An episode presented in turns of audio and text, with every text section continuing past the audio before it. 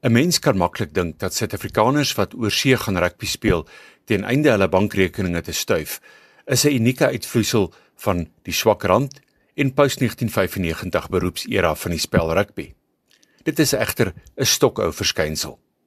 Voordat ek 'n baie breë oorsig gee van die name van sommige van ons rugby uitvoerprodukte die afgelope 120 jaar plus, is dit nodig om tussen twee soorte forme van rugby te onderskei, asook tussen twee eras.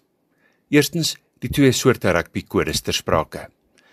Rugby League is al vir meer as 120 jaar amptelike professionele spel en het sy oorsprong en is steeds die hartland daarvan in die noorde van Engeland, werkersklas Engeland.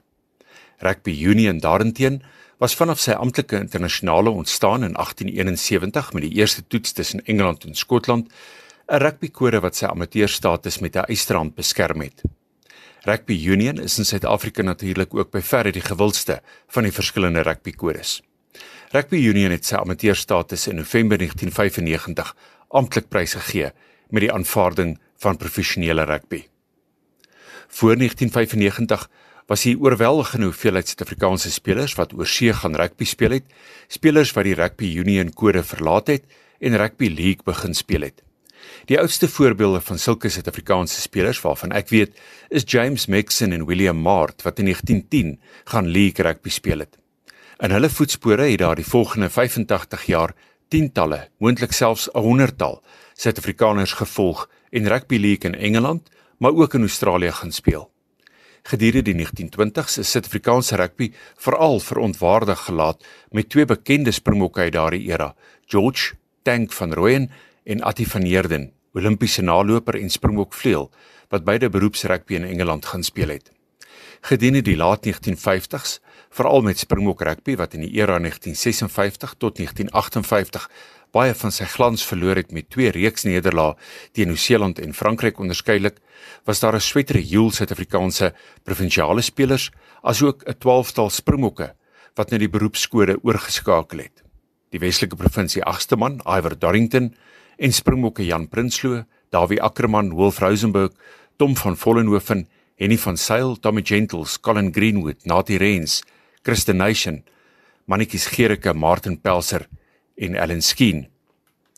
Gedurende die vroeë 1960 was daar ook 'n hele rits bruin en swart Suid-Afrikaanse spelers wat beroepsrugby gaan speel het, insluitende Louis Newman wat in Australië gaan speel het, Gulam Abed, Sally Schroeder, Johnny Gayden en Duncan Piccoli.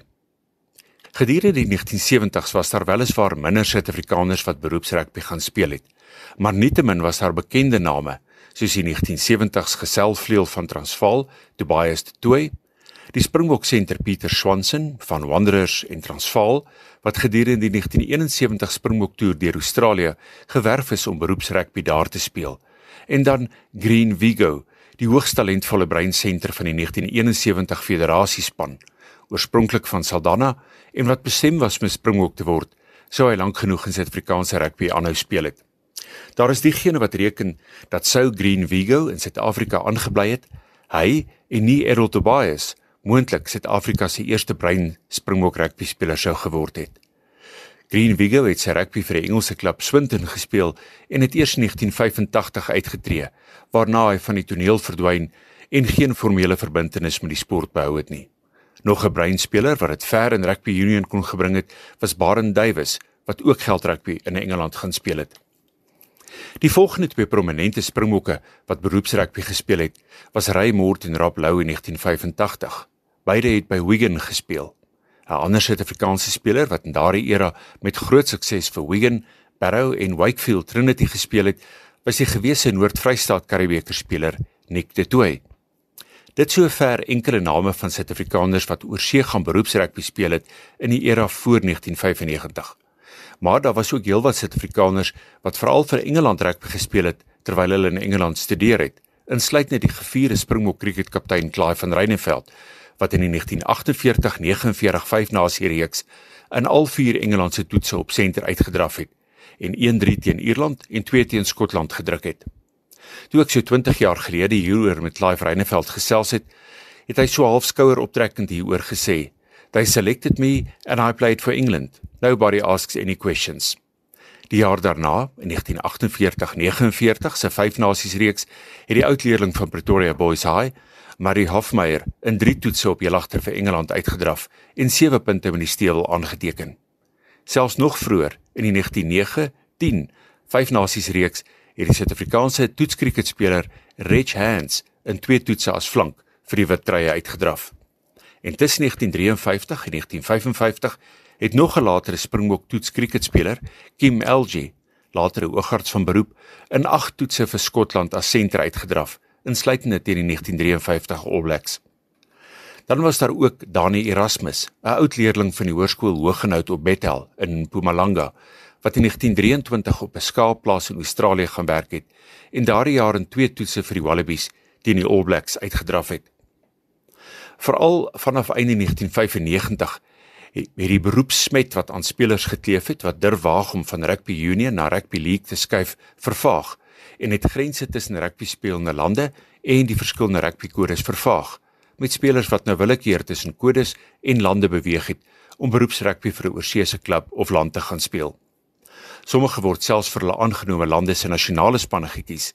Ek dink aan Suid-Afrikaanse spelers soos Tiaan Strauss vir Australië, Josh Strauss en WPNL vir Skotland, Dion O'Kinigan Richard Strauss en CJ Stanner vir Ierland en hordes wat vir Engeland uitgedraf het, onder andere Brad Barrett, Stewart Abbott, Maurits Botha en Mike Cat.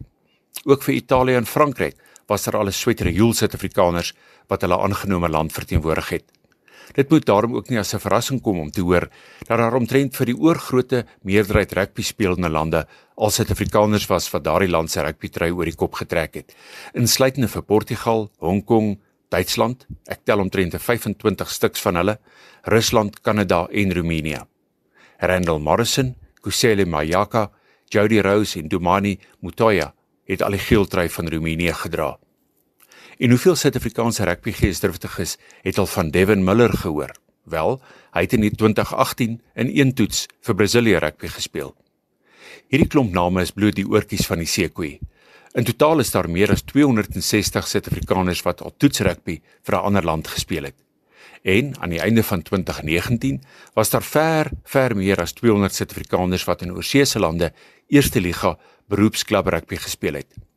Indien mense Suid-Afrikaners byreken wat 'n salaris in tweede en selfs derde liga spanne in Europa verdien, en glo my, dit is moontlik om byvoorbeeld vir 'n tweede liga Italiaanse klub te speel en steeds 'n heel skaflike lewenstyl te handhaaf, is hierdie getal Suid-Afrikaanse beroepspelers oor see waarskynlik nader aan 400. 'n Paar van 'n bekende Suid-Afrikaanse speler wat so 12 jaar gelede slegs by 'n tweede liga Italiaanse klub 'n kontrak kon kry, het my vertel dat daardie klub behuising, 'n motor, brandstoftoelaag en ander voordele aan die spelers toeken en nadat alle onkoste en belastings betaal is, die spelers steeds sowat R30000 per maand kon terugstuur na Suid-Afrika.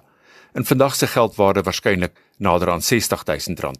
Nie sleg vir tweede liga rugby in Italië nie.